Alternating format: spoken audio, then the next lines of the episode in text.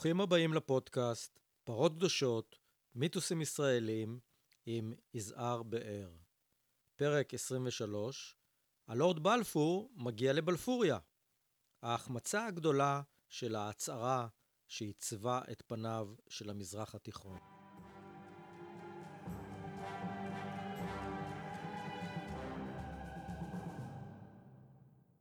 לפני חמש שנים עזבתי את ירושלים ועברתי להתגורר בבלפוריה, על מנת ליישב מחדש נחלה שנרכשה בתחילת שנות ה-20 של המאה הקודמת על ידי דוד רחוק מאמריקה, וננטשה. בלפוריה הוא מושב קטן ונחבא אל הכלים בין כתפי הרי נצרת לחמוקי גבעת המורה. זקני הכפר, בני ה-90 פלוס כיום, נולדו כשבלפור בא לבקר את היישוב שנקרא על שמו בשנת 1925. התכנסנו עם בניהם ונכדיהם לציין את הצהרת בלפור ב-2 בנובמבר 2017, בדיוק ביום השנה המאה. אחרי ששרנו את השירים הנכונים, הזמנתי עד מומחה, היסטוריון וחוקר האימפריה הבריטית, לחשוף את אחורי הקלעים של ההצהרה ששינתה את פני הציונות ולספר על האנשים, הכוחות והאינטרסים שסללו את הדרך למפץ הגדול שעיצב את פניו של המזרח התיכון. ערב טוב, אורחים נכבדים, אורחינו מהעמק וממקומות אחרים, ערב טוב בלפוריה. בשבועות האחרונים נשאלתי כמה פעמים למה אנחנו צריכים את הערב הזה.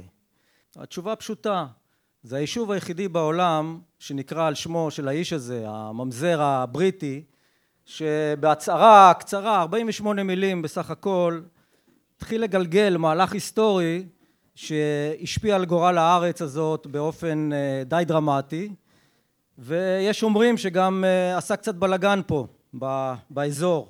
היום נשמע על זה מפי עד מומחה.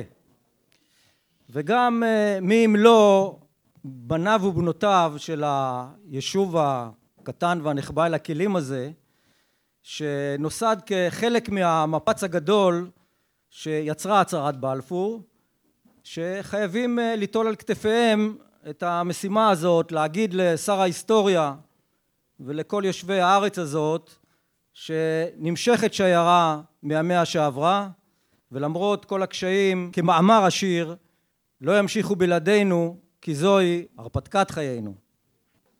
דוקטור אייזק לובלסקי, היסטוריון חוקר האימפריה הבריטית, יחשוף את אחורי הקלעים של ההצהרה ששינתה את אה, פני הציונות על האנשים, הכוחות והאינטרסים שסללו את הדרך למפץ הגדול שעיצב את אה, פניו של המזרח התיכון.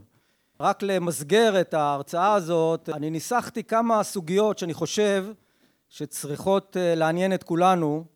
סוגיה אחת שאני חושב שהיא מעניינת לשמוע ממך אייזק, האם נכון יהיה לומר כי הצהרת בלפור היא המעשה הגדול שהעניק גושפנקה בינלאומית להקמת המדינה? האם המהלך המוביל מהצהרת בלפור לכ"ט בנובמבר היה בלתי נמנע? ואולי הרבה דברים היו יכולים להשתבש בדרך כי היו תהפוכות שתי מלחמות העולם ו... ההסדרים שלאחריהן. במציאות האימפריאלית הצינית של תחילת המאה העשרים תמיכה בבית לאומי ליהודים אה, בפלסטינה, לזכור היהודים היו עשרה אחוז בלבד מהאוכלוסייה, היא נראית כמו גישה בריטית אלטרואיסטית, בלתי מובנת. נשמח להבין ממך מהיכן נבעה המוטיבציה הבריטית לתמוך בשיבת היהודים לארץ ישראל. למה בריטניה הייתה צריכה את כל הכאב ראש הזה, ודווקא אז?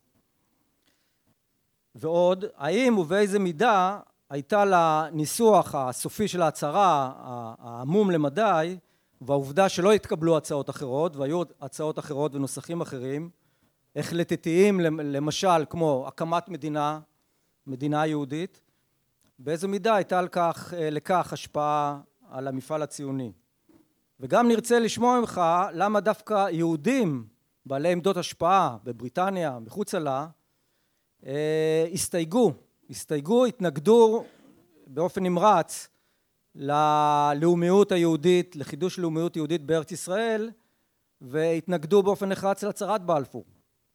ודבר אחרון, אי אפשר כמובן להתעלם מההשפעה של הצהרת בלפור על הצד השני, על ערביי ארץ ישראל.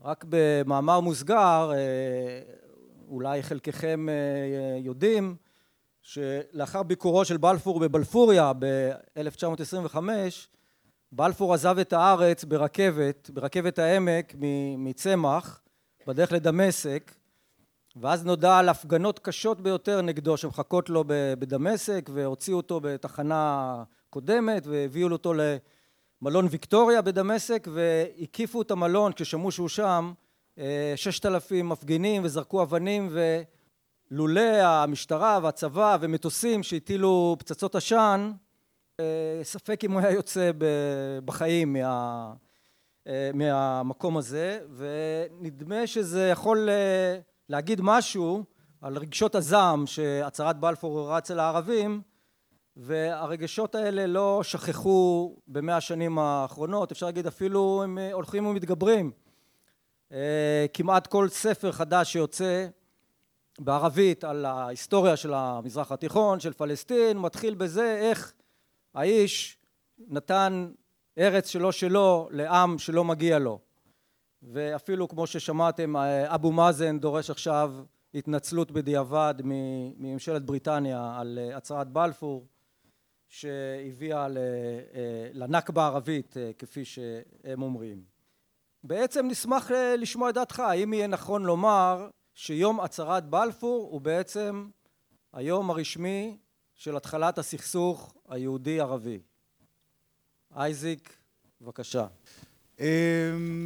כמה מילים על עצמי, התבקשתי קודם להציג עצמי ממש בכמה מילים, דוקטור להיסטוריה, אוניברסיטת תל אביב, תחום ההתמחות המרכזי שלי זה קולוניאליזם בריטי, בין השאר בהודו הבריטית ומה שאני עושה כבר לא מעט שנים זה לנסות ולברר כיצד הבריטים באופנים שונים ומשונים, לפעמים מביכים, לפעמים מתנשאים, לפעמים מתוך מניעים אלטרואיסטיים מביאים לשינויים כל כך דרמטיים בעולם שלנו מהמאה ה-19 ואילך, בוודאי דרך המאה ה-20 במקרה שלנו, אבל לא רק אצלנו, אנחנו יודעים שגם הודו זכתה לעצמאותה שנה לפני שישראל זכתה לעצמאותה ועוד מדינות אחרות כאן באזור זכו לעצמאות, ירדן הוזכרה כאן קודם, הפרס שקיבל בנו הצעיר של השריף חוסיין, המלך עבדאללה כבר בשנות ה-20 ועוד ועוד ועוד. מהבחינה הזאת תמיד מרתק אותי לראות כיצד מדינה קטנה כזאת בסך הכל, בריטניה, כן, אנגליה, סקוטלנד וווילס ששוכנת לה בשטח לא כל כך גדול באי קטן ליד אירופה, הצליחה לא רק לשלוט בעולם באופן כל כך נחרץ ובוטה וללא שום ויכוחים עצמיים כמעט בנוגע ללגיטימציה שלהם לעשות זאת, אלא גם כיצד הם היטבו למעשה את המפה של העולם שלנו במידה רבה, גם של האזור שבו אנחנו חיים, אמנם בעזרתה האדיבה של צרפת, השותפה שלה לפשע הקולוניאליסטי, אבל בסופו של עניין אנחנו חיים את התוצאה הזאת כך או כך ואי אפשר להתחמק מהמקום הזה. נדמה לי שהצהרת בלפור היא עוד אחד מהאירועים שיכולים להשתלב יפה במשפט שאני אמרתי בשניות האחרונות כיוון שכמו שיזהר הזכיר קודם לכן היא צעד אמנם חד צדדי לחלוטין לטובת התנועה הציונית ולטובת הציבור היהודי שהיווה כאן מיעוט מוחלט ב-1917 התגוררו כאן כ-56 אלף יהודים. אתם יודעים ויודעות שאחד הדברים הראשונים שהבריטים עושים אחרי שאלנבי כובש את הארץ מידי האימפריה העות'מאנית עורכים כאן מפקד אוכלוסין מסודר כפי שיאה לעשות בכל מקום שהבריטים נמצאים בו, הם גם ממציאים את הקונספט הזה בכלל של מפקד אוכלוסין ויש כאן בסך הכל בכל ארץ ישראל כולל בארבע ערי הקודש, כולל חרדים, אנטי ציוניים כמובן, 56 אלף יהודים. זה כל מי שנשארו כאן מהעלייה הראשונה והשנייה שרובם של העולים בשתי העליות הרי עזבו כאן ונעלמו ולא החזיקו מעמד.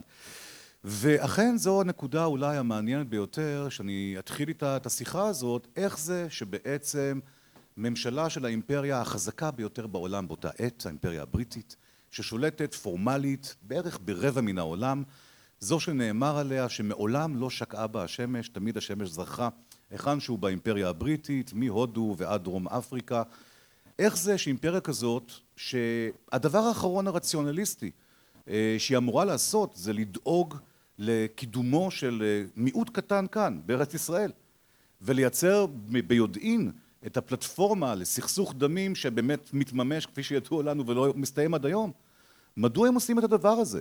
הרי ההיגיון הבריא היה בא וגורס משהו הפוך לחלוטין, אם כבר עזרה למישהו, אז עזרה פה לרוב הערבי, כדי שאלה ישתפו פעולה איתם בהמשך הדרך בדיוק כפי שעשו אלה שחיו בחצי האי ערב, במה שאנחנו מכנים היום סעודיה, ויותר מאוחר גם במדינות אחרות שהבריטים מקימים במזרח התיכון על, חורבה, על חורבותיה של האימפריה העות'מאנית.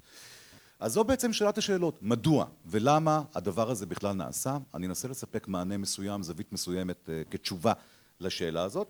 אנסה להציע, זה אולי משהו שיהיה קצת פחות בנאלי ממה שאנחנו רגילים לשמוע בדרך כלל.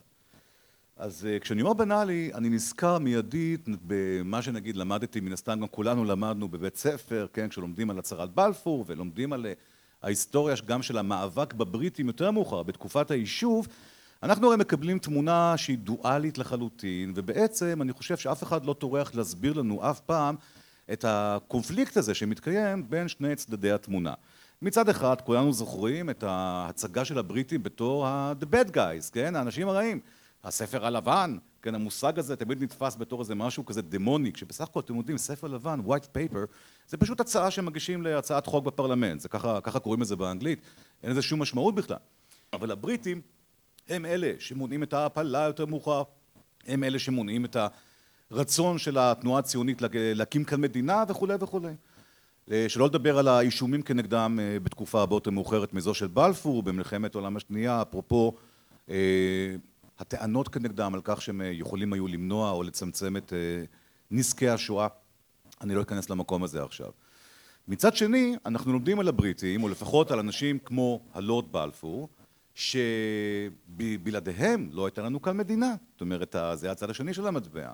עכשיו, בלפור לא לבד, אני חושב שאפשר להזכיר לצידו גם מישהו כמו אורד ווינגייט, כולנו מכירים את השם שלו, נכון? מי שמקים כאן את ה-Night Squad, את פלוגות הלילה, הראשון שמאמן חיילים יהודיים להילחם בלילה, פעולות תגמול וכדומה, ועוד שורה של בריטים שפועלים כאן מסוף המאה ה-19 ובתוך המאה ה-20, ולמעשה מנסים לקדם את האינטרס היהודי באופן חד משמעי. אבל אני אנסה להתמקד באיזשהו הסבר שלדעתי הוא מעט אלטרנטיבי ופחות שכיח ואולי פחות מכירים אותו, כדי לנסות ולהבין שכולנו נבין מדוע בעצם אנחנו רואים לפחות חלק מסוים מהמפה הפוליטית הבריטית, גם הבכירה ביותר בדמותו של בלפור ועוד אחרים. חלק מסוים כזה פועל באופן עקבי וחד צדדי ונחוש לטובת היהודים וגם לטובת התנועה הציונית בד בבד עם העניין הזה, בעוד שחלק אחר של הצמרת הבריטית זה לא מעניין אותו בכלל, או שהוא פועל כנגד התנועה הציונית וכנגד האינטרס היהודי.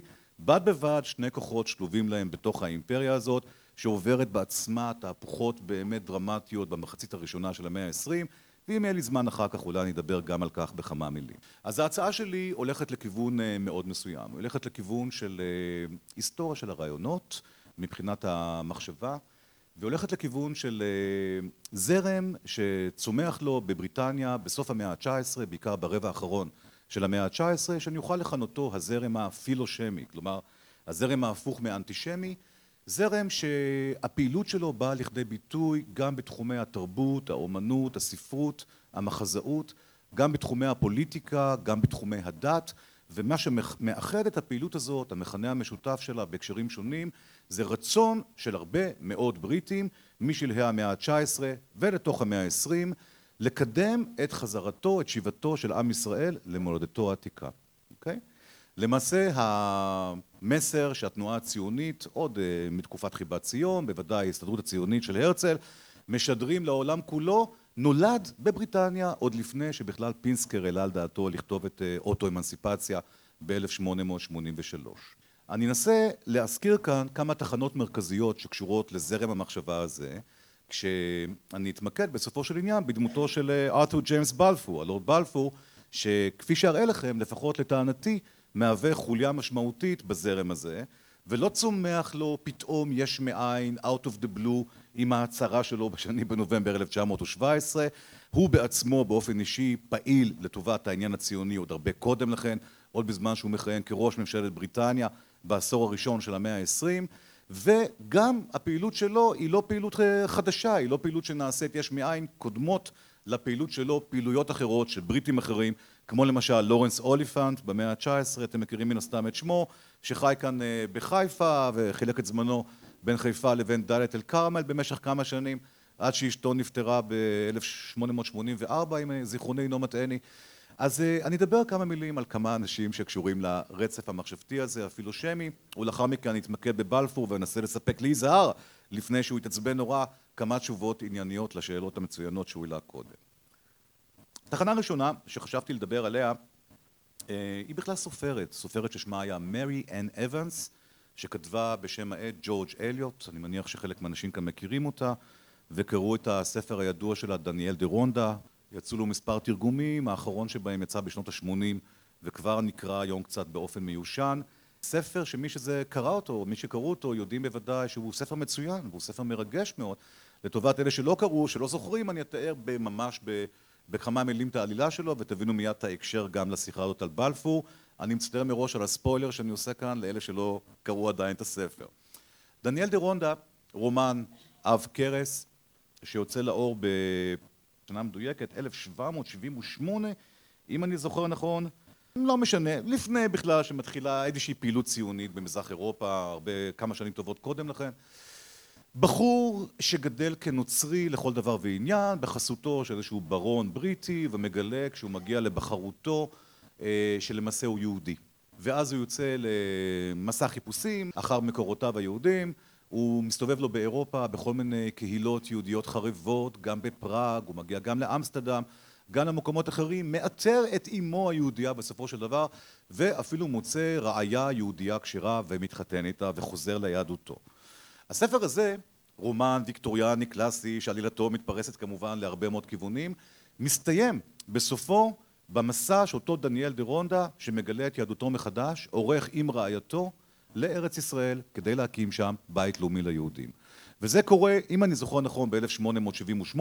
הפרסום של הספר הזה אולי שנה קודם או שנתיים קודם אבל בוודאי כמה וכמה שנים לפני שמתחילה הפעילות של חיבת ציון במזרח אירופה או בוודאי כמה וכמה שנים לפני שמתחילה פעילותו של הרצל בווינה וברחבי אירופה לאחר מכן. הרומן הזה דניאל דה רונדה הוא בסט סלר, הוא רב מכר, הוא זוכה להצלחה גדולה והוא ביטוי אחד בלבד לשורה של מחזות ורומנים שמצליחים מאוד בבריטניה בתקופה הזאת ברבע האחרון של המאה ה-19. עכשיו אם אנחנו שואלים את עצמנו בעצם למה, מה קורה כאן, הבריטים הרי לא בדיוק נודעו בהיסטוריה של מאות השנים האחרונות כפילושמים מובהקים, אנחנו הרי יודעים שבמשך מאות שנים יהודים לא הורשו לגור בבריטניה, אמנם בשלב מסוים מתירים להם לחזור ולגור בבריטניה אבל היחס ליהודים בבריטניה ללא ספק משתנה בסוף המאה ה-19. אם אנחנו מנסים לחבר את העניין הזה שמלמד על דעת קהל, אם ניתן לקרוא בכלל למה שקורה בבריטניה באותה תקופה בשם המפוקפק הזה, תקופה שבה עדיין מעמד הפועלים והנשים, אותו מיעוט קטן בין כחמישים אחוז באוכלוסייה לא זוכים עדיין לייצוג שלהם גם לא בדעת קהל אבל בכל זאת אם אנחנו מסתכלים על מה שקורה בחברה הבריטית באותה תקופה גם בכתיבה עיתונאית, גם בשדות האומנות, הספרות כאמור, אין ספק שיש כאן נקודת מפנה. כשאני מנסה כהיסטוריון להבין מדוע למעשה חל כאן מפנה שמביא בסופו של דבר גם אדם כמו ארתור ג'יימס בלפור לפעול למען העניין הציוני כפי שהוא פועל, אני יכול להסתכל על כל מיני גורמים. הגורם המרכזי בסופו של דבר, ואני אומר את זה כתמצית של כמה שנים שאני מתעסק עם העניין הזה בתור איזשהו סוג של שורה תחתונה, שאותי לפחות משכנע באופן המעמיק ביותר, לא קשור בכלל לא לפוליטיקה, לא לתרבות ואומנות וגם לא לאיזושהי דעת קהל במובן החברתי המקובל. הקשר המיידי והמרכזי והעמוק ביותר שאני מוצא וזה בעקבות עבודת מחקר שאני גם עורך על העניין הזה לקראת ספר שאני מתכוון לפרסם בקרוב הוא בכלל נמצא במקום הדתי ותרשו לי לקחת אתכם לשתיים שלוש דקות למקום הזה בתקווה שאני לא אחזיר פה אף אחד בתשובה לאיזושהי כנסייה פרוטסטנטית כזו או אחרת. תראו במאה ה-19 ואני מצטער אם אני נכנס פה לדלת פתוחה אני פשוט לא יודע מה מידת המידע שנמצא כאן בידי האנשים לגבי נצרות. אני ממש אתאר בקצרה תופעה מעניינת מאוד שמתרחשת במאה ה-19 בעיקר בעולם דובר האנגלית בבריטניה וגם בארצות הברית. תופעה שנמשכת לה עד עצם היום הזה, בעיקר בארצות הברית, במה שאנחנו רואים אותו בטלוויזיה הרבה פעמים ומכונה נצרות פונדמנטליסטית, אתם מכירים את הכנסייה האוונגלית וחברותיה שגם תורמות הרבה מאוד כסף כאן למפלגות ימין בארץ ותומכות במדיניות אגרסיבית מאוד של ישראל וכדומה. השורשים של הפעילות הזאת נמצאים במאה ה-19 עם שינוי תיאולוגי שחל בכמה כנסיות בריטיות, גם בסקוטלנד, זאת אומרת סקוטלנד היא חלק מבריטניה כמובן. השינוי הזה, אני ממש בפשטות אתאר אותו בכמה מילים, הופך את התפיסה הדתית של אותן כנסיות שקיימות עד היום בעולם דובר האנגלית לשונה מזו שאפיינה את הנצרות הוותיקה יותר על שלל כנסיותיה. והשינוי המרכזי שמתרחש במאה ה-19 בקו תיאולוגי די ברור הוא העובדה שאותן כנסיות מגיעות למסקנה ומטיפות גם למאמיניהן שאחרית הימים ממש ממש קרבה, זה ממש קורה כאן ועכשיו, שיבתו של ישוע, משיח הנוצרים, הדבר המרכזי בחידוש שלהם הוא הטענה שישוע לא יוכל לחזור לכאן לפני שיתממשו הנבואות שמוזכרות בברית הישנה, כן? כלומר בתנ"ך. וזה היה דבר חדש. כי הנוצרים מחכים לחזרתו של ישוע המשיח כבר מאז ראשית הנצרות, מקץ מלכות אלף השנים, כן? כך נכתב בספר ההתגלות של יוחנן, ובוודאי שמשנת אלף לספירה ועד היום אנחנו רואים הרבה ביטויים לעניין הזה והרבה היסטריות ציבוריות כשאנשים בטוחים שאו-טו-טו ישו הולך לחזור וזה לא קרה עד עכשיו, לפחות למיטב ידיעתנו. אבל הסוויץ' הזה שנעשה, מתחיל בבריטניה וזולג לו מיידית לבני הדודים מעבר לים, כן, בארצות הברית, שלפיו חייבות להתמלא קודם כל, להתממש קודם כל הנבואות של התנ"ך, כי גם אלה דברי אלוהים חיים, ואם זה לא יתממש, אז לא תוכלנה להתממש הנבואות של הברית החדשה, הוא משהו חדש שתופס את ליבם של הרבה מאוד בריטים בתקופה הזאת. ואני חושב שזה הדבר המרכזי שמוביל בסופו של דבר לפילושמיות הזו לכאורה, שאנחנו רואים אותה בסוף המאה ה-19 ותחילת המאה ה-20, ולרצון של הרבה מאוד בריטים, ובכללם בסופו של דבר גם בלפור, לעזור ליהודים לחזור לארצם כדי שאלו יוכלו להקים לעצמם כאן מדינה, אם תרצו מלכות בית שלישי. בסופו של דבר רק כך תוכל להתממש הנבואה של מלחמת גוג ומגוג, מצפון תפתח הרעה וכולי, ורק אז כשיהודים יקימו את בית המקדש השלישי שלהם מחדש, ישוע יוכל לחזור וכל היהודים יוכלו להתנצר כשהם הבינו את טעותם הגדולה לאורך אלפיים השנים האחרונות, ובא לציון גואל. בסדר? זה התיאור מאוד תמציתי של הלך רוח שמאפיין עד היום מיליונים רבים של נוצרים בעולם המערבי, בעיקר בארצות הברית, והתמיכה האדירה שגם בארצות הברית אנחנו מרגישים אותה כלפי מדינת ישראל מזה עשרות רבות של שנים, במיוחד כאשר הרפובליקנים נמצאים שם בשלטון והכנסיות הפונדמנטליסטיות האלה הם הליבה של המפלגה הרפובליקנית מבחינת מצביעים, זה מגיע מהמקום הזה. אז זה הלך הרוח הכללי ואני רוצה לתאר בפניכם עכשיו בקיצור שתיים שלוש דמויות מרכזיות כולל את זו של בלפור ולמקם אותם בהקשר הזה שהוא גם הקשר דתי, נוצרי, משיחי. הדמות הראשונה שאני אומר עליה כמה מילים היא דמותו של לורנס אוליפנט שהזכרתי את שמו קודם, יליד 1829, נפטר ב-1888 אחרי שהוא חי חיים באמת מרתקים ומגוונים וצבעוניים גם בארצות הברית כמה שנים, שם הוא חי והיה חלק מאיזושהי כת מוזרה של מטיף ניו אייג'י טרם זמנו. אוליפנט היה דיפלומט במקצוע שלו, הוא היה בסין, הוא שירת גם ביפן והוא הסתובב בהרבה מקומות בעולם, רכש הרבה מאוד ניסיון וצמח בבית נוצרי קיצוני מהסוג הזה מבחינת המסר שהוא קיבל מהוריו ומהקהילה שבה הוא גדל, שכנסייה פונדמנטליסטית שתמכה ברעיון הזה של שיבת היהודים לציון. בסופו של עניין אוליפנט מגיע לכאן, לארץ ישראל, חי כאן מספר שנים והופך להיות הדיפלומט או המדינאי הבריטי הראשון בהיסטוריה שמתחיל לנסות ולשכנע את הצמרת של האימפריה הבריטית בצורך לממש את הרעיון הזה, את החזון הזה של החזרת היהודים לארצם. הוא כותב ספרים על הנושא הזה והוא אפילו משתתף ב-1882 בוועידה של חיבת ציון בעיר פוקשן ברומניה כציר מטעם ארץ ישראל, זאת אומרת זה באמת משהו הזוי לחלוטין. אצל חובבי ציון ברומניה מכנים אותו המלך כורש החדש, זה הכינוי שנותנים לו לאוליפנט, כן, אפרופו הצהרת כורש שמחזירה את בני ישראל מגלות בבל.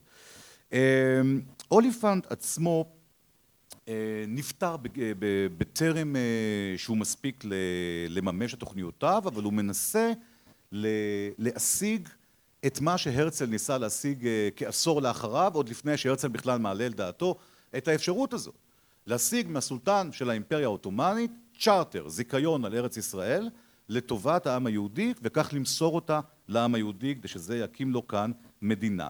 למעשה התוכנית של אוליפנט היא העתק מוחלט של התוכנית של הרצל עשר, חמש עשרה שנים מאוחר יותר. תחנה נוספת שאני אזכיר בהקשר לעניין הזה היא הרצל עצמו, תיאודור הרצל החביב שנפטר בגיל כל כך צעיר, גיל ארבעים וארבע ובאמת היה אדם בעיניי מדהים, מאוד גם דמות מאוד טרגית, אדם מאוד מלנכולי, מאוד פסימי, אדם שניסה לקדם עם שהוא האמין שהוא מנוון לחלוטין וכשקוראים את היומנים של הרצל ורואים את מה שהוא חושב על היהודים פשוט מזדעזעים למען האמת. מהחזון הפסימי שלו על העם הזה שמבחינתו הוא עם שסובל מלקויות נפשיות נוראיות ובכל זאת הוא מנסה לעשות כמיטב יכולתו כדי להציל אותו מהקטסטרופה שהוא צופה שתבוא על היהודים באירופה, מה שגם אכן התממש מאוחר יותר גם אם הרצל עצמו כמובן לא חזה בדיוק את עלייתו של היטלר לשלטון בגרמניה. כשהרצל מתחיל לפעול הוא הרי כותב את מדינת היהודים, כן, דר יודנשטאט ב-1896 הוא מוציא אותו לאור בווינה מכספו הפרטי, מהדורה ראשונה, שלושת אלפים עותקים שנחטפים כמו לחמניות טריות ומיד נוצר צורך במהדורות חדשות והספר מתורגם לאנגלית ולצרפתית ובאמת זוכה להצלחה מאוד נאה להפתעתו של מחברו. התוכנית המרכזית של הרצל, אני מזכיר לכולנו, מן הסתם כולנו יודעים את זה, ניצול הגירעון הכלכלי של האימפריה העות'מאנית, גיוס כספים מהמיליארדרים היהודים, העברת הכספים האלה לסולטן הטורקי ובתמורה קבלה של צ'רטר, של זיכיון על ארץ ישראל, כדי שהיהודים יקימו לה בה כאן מדינה. די דומה לתוכנית של לורנס אוליפנט שנוסחה כחמש עשרה שנים קודם לכן.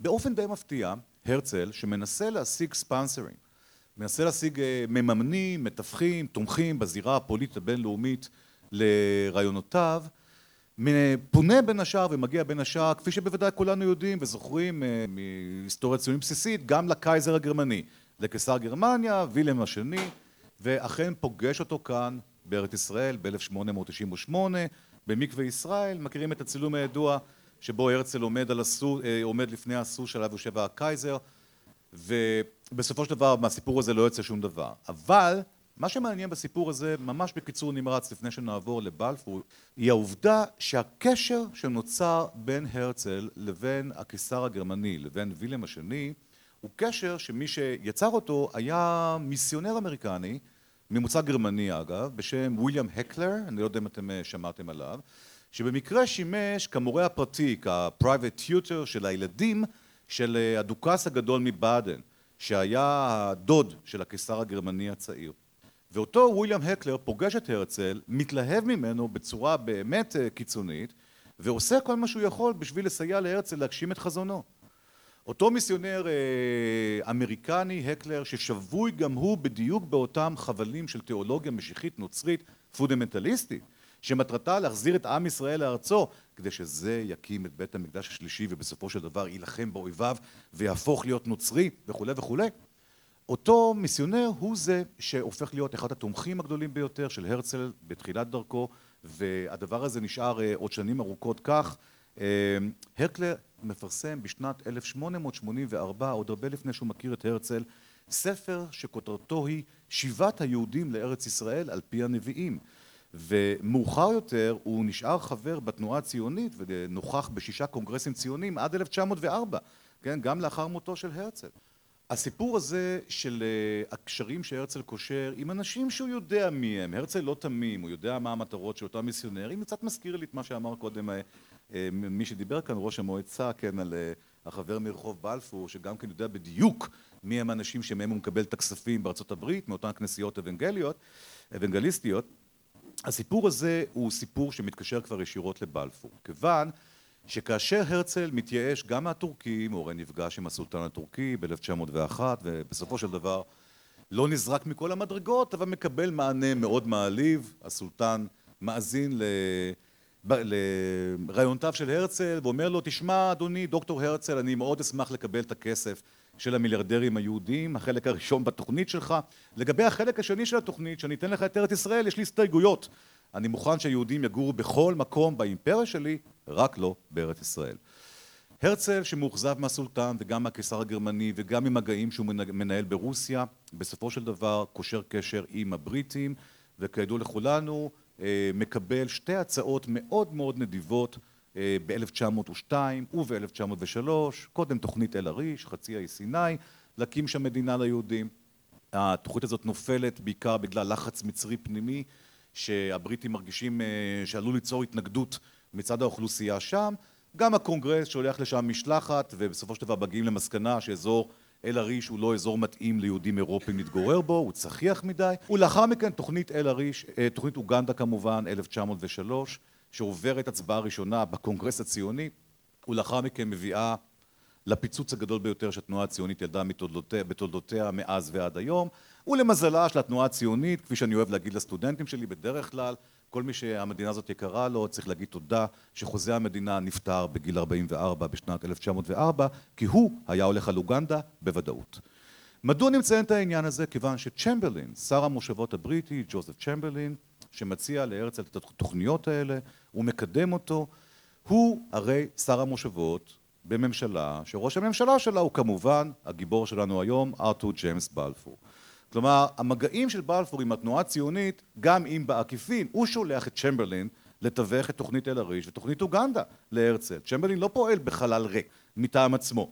אז אלה מאיתנו שסבורים שאותו מפץ גדול בשני בנובמבר של 1917 עם אותו מכתבון חמוד שבלפור שולח לברון רוטשילד הבריטי שזה משהו שנוצר לו יש מאין כבר כולנו יכולים להבין שלא כך הוא הדבר ושמדובר במשהו שמתחיל בוודאי לפחות 15 שנים קודם לכן. מה מביא את בלפור בהיותו ראש ממשלה באותה תקופה שבה שהרצל מקבל את אותן הצעות נדיבות מהבריטים להיות כל כך לארג', כן? קודם יזהר העלה את השאלה הזאת מה האינטרס של הממשלה הבריטית לעזור לתנועה הציונית ב-1917 ואני יכול לחדד את העניין הזה ולקחת אותו כאמור 15 שנים קודם לכן ולשאול את אותה שאלה אבל באופן עוד הרבה יותר בוטה. הרי ב-1902 או ב-1903 התנועה הציונית לא... היא הרבה פחות מאשר מה שהיא ב-1917 מבחינות רבות. ובארץ ישראל עוד גרים הרבה פחות יהודים מאשר ב-1917 כי הלא העלייה השנייה עוד לא התחילה בכלל כי הרצל הרי לא האמין בעלייה לארץ ישראל לפני שמקבלים צ'רטר ואת הגושפנקה על פי משפט העמים על פי החוק הבינלאומי על הארץ הזאת. אז אני אנסה להציע עוד פעם את אותו פתרון שהצעתי קודם. אני מצטער על השטחיות כן היחסית ועל חוסר היכולת שלי לתת פה יותר הסברים מעמיקים בגלל קוצר הזמן אבל אם דיברתי קודם על אוליפנט כעל מישהו שצמח באווירה של נצרות פונדמנטליסטית וינק מילדותו את אותם רעיונות שתופסים ומכים שורש במיוחד בסקוטלנד מולדתו של אוליפנט וגם מולדתו של בלפור, בלפור הוא סקוטי הוא לא אנגלי כן? ואם הזכרתי קודם את ווינגייט גם ווינגייט הוא סקוטי הוא בכלל לא אנגלי. ואתם יודעים שהכנסיות בסקוטלנד אני לא יודע אם יצא לכם פעם לראות את הסרט לשבור את הגלים לפני כבר שנים רבות זוכרים את הכנסייה הסקוטית הנוראית הזאת שתוארה שם? אלה כנסיות קלוויניסטיות במקורם כן קלווין אתם יודעים אחרי מרטין לותר זו הפרשנות הכי קשוחה והכי קרה והכי אכזרית שיכולה להיות לנצרות.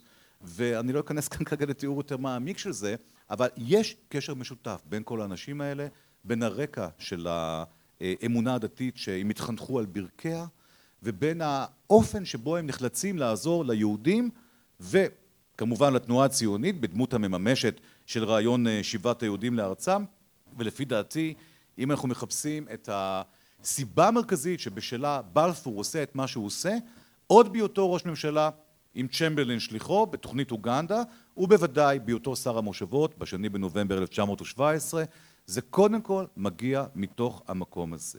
קודם הוזכר כאן נדמה לי בכמה מילים מישהו הזכיר יזהר או ראש המועצה הזכיר כאן קודם את את ויצמן כן כולנו מכירים את חיים ויצמן שהיה המנהיג של התנועה הציונית לאחר מלחמת העולם הראשונה ועוד לפני כן בהיותו בחור צעיר וגם עוד שהרצל היה בחיים עשה לעצמו שם ככימאי כמדען כמדען ופוגש גם את בלפור בסופו של עניין בהקשר לעניין שלנו. אין ספק שוויצמן ברמה ההיסטורית היה אחד מהדוחפים המרכזיים להצהרת בלפור ושמר על קשר גם בשנות מלחמת העולם הראשונה עם, עם בלפור וברור שחשיבותו היא משמעותית במקום הזה. אבל אני רוצה להזכיר עוד דמות אחת שגם היא קשורה לעולם היהודי ובפרט לעולם היהודי הבריטי ולעולם היהודי הבריטי הציוני וכולנו מכירים את שמו של הרברט סמואל שהופך להיות הנציב העליון כאן בארץ ישראל אחרי החלת שלטון המנדט, אחרי ועידת סן רמו. הסיפור של הרברט סמואל תמיד מפתיע אותי מחדש כשאני חושב עליו. סמואל היה השר היהודי הראשון אי פעם בממשלה בריטית, כן? אני חושב שאולי חלקנו יודעים את זה. קודם לכן כשיהודים רצו לכהן בתפקידים בכירים הם נאלצו להתנצר. אפרופו בנג'מין די יזרעאלי, כן? הם לא יכולים להיות יהודים. בעשור השני של מלחמת העולם, של המאה העשרים הסיפור הוא כבר שונה בבריטניה וסמואל נבחר להיות ממונה להיות שר והוא חבר גם בקבינט המדיני ביטחוני של האימפריה הבריטית בזמן מלחמת העולם הראשונה. עכשיו כאן יש נקודה מאוד מעניינת שיכולה לשפוך לנו אולי עוד זווית של אור לגבי הקדימון להצהרת בלפור מראשית נובמבר של 1917. בפרוטוקולים שהתפרסמו עשרות שנים אחרי מלחמת העולם הראשונה כי אתם יודעים שאנחנו לא המצאנו את החיסיון כן על מסמכים בזמן מלחמה הבריטים המציאו את זה הרבה לפנינו ואני לא זוכר אם זה מסמכים של שלושים שנים או חמישים שנים בכל מקרה היה שם חיסיון של לא מעט זמן התברר לחוקרים שיכולים היו להתחיל לנתח את מהלכי מלחמת העולם הראשונה ולראות מה בדיוק רצו הבריטים כי מלחמת העולם הראשונה בניגוד למלחמת העולם השנייה היא הרי לא סיפור של שחור ולבן כמו שאנחנו יודעים במלחמת העולם השנייה מאוד קל לבוא ולהגיד היטלר, גרמניה הנאצית, טפו, הם אשמים, בסדר? זה ברור.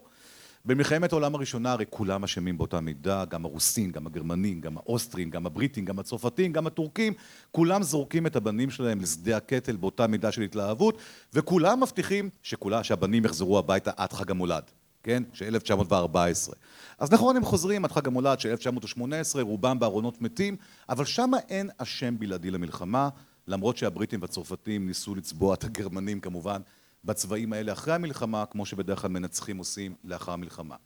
ולכן היסטוריונים שחוקרים את העניין הזה ומנסים לחקור אותו באופן אובייקטיבי, כדאי להם לקרוא פרוטוקולים של ישיבות קבינט של מעצמות שמשתתפות במלחמה מעין זו כדי להבין מה בעצם קרה שם.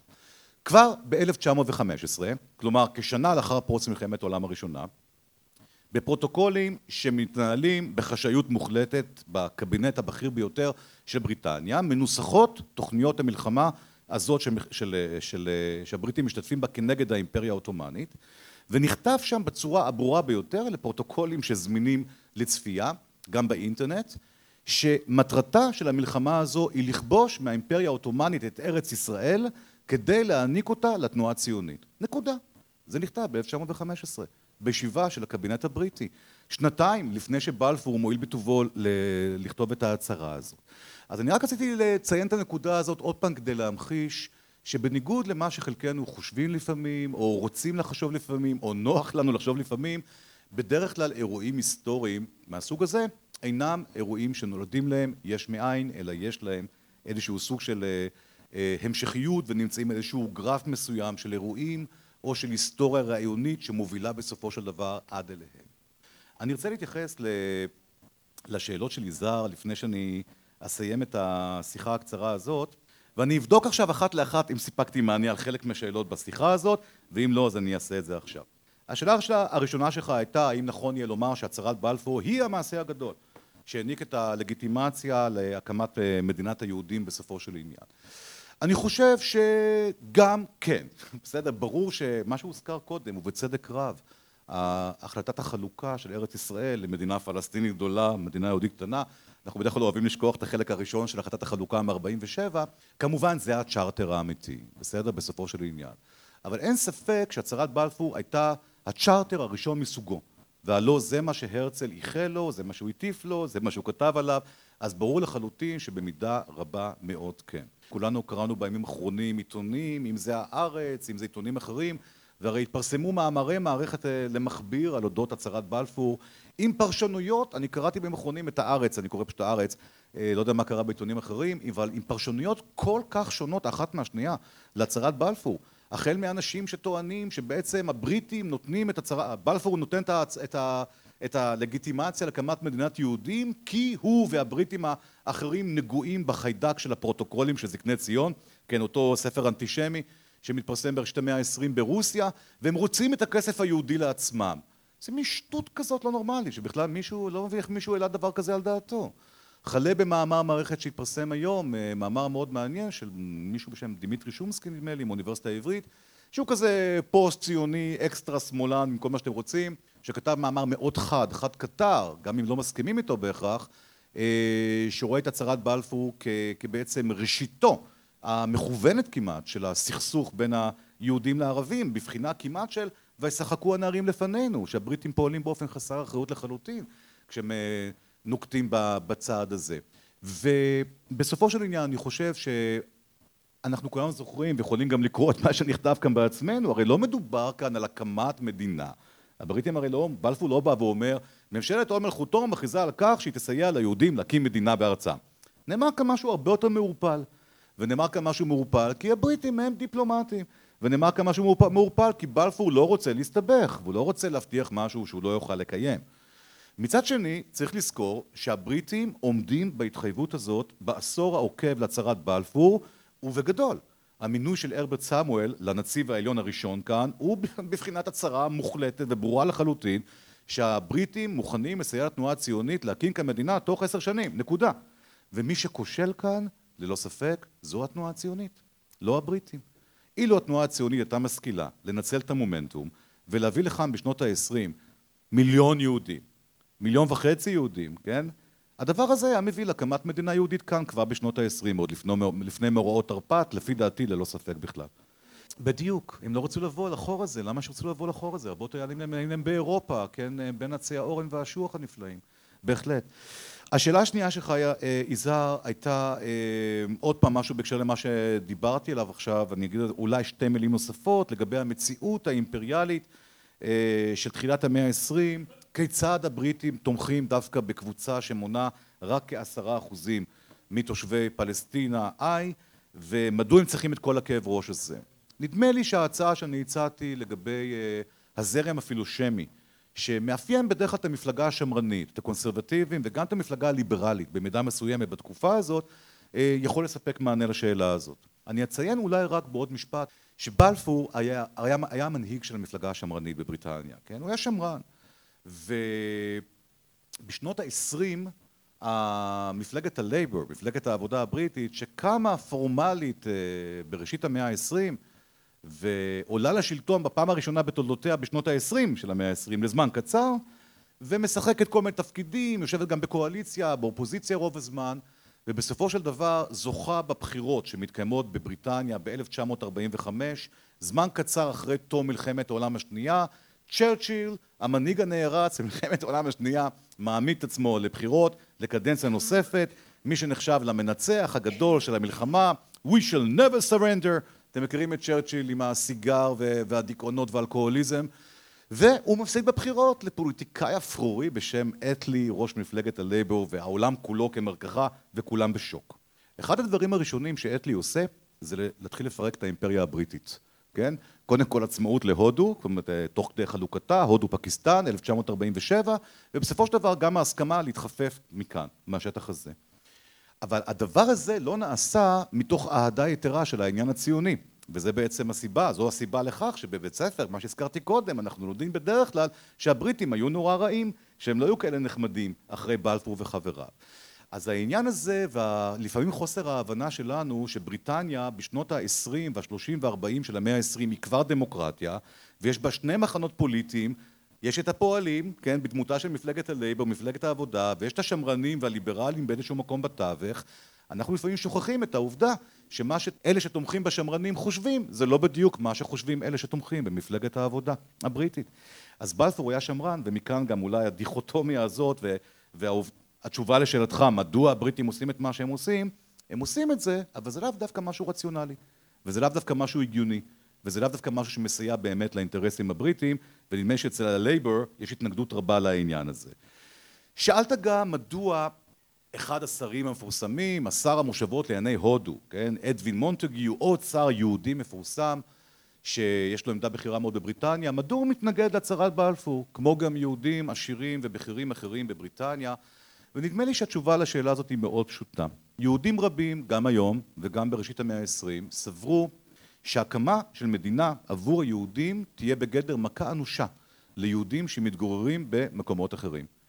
ומונטגיו שהיה במקור בכלל ממזרח אירופה והגיע לאנגליה והחליף את שמו וניסה להיות סוג של מין אריסטוקרט בריטי שמאטע קצת, הוא אחד מהיהודים האלה והוא סבור שיהודי בריטניה יסבלו מאוד בעתיד כתוצאה מהקמה של מדינה ציונית והוא חרד מאוד לגורלם של יהודי בריטניה ואפשר גם להבין אותו ברמה מסוימת.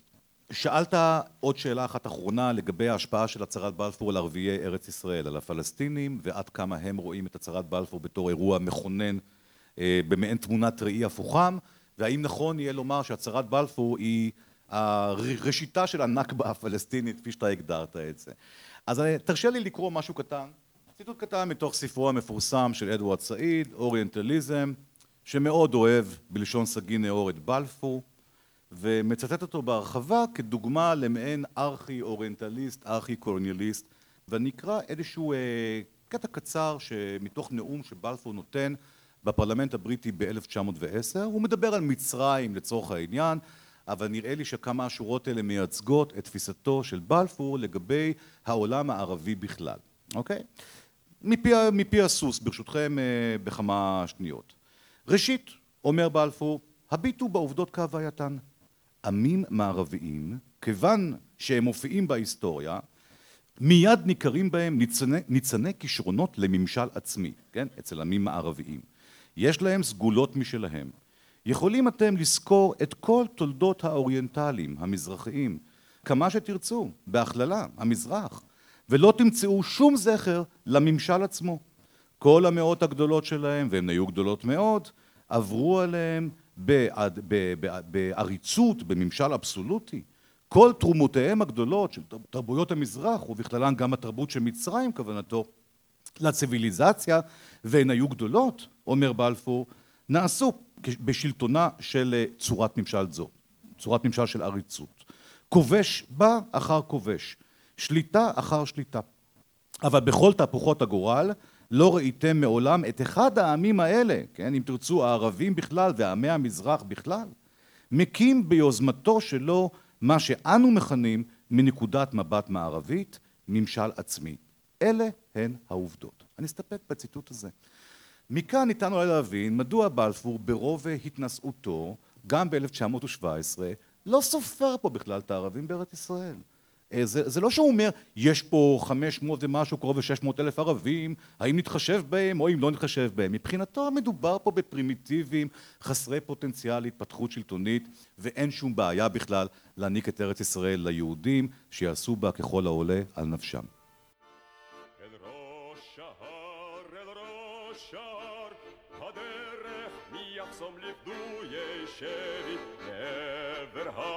אל זה מכבר promese da doerțe.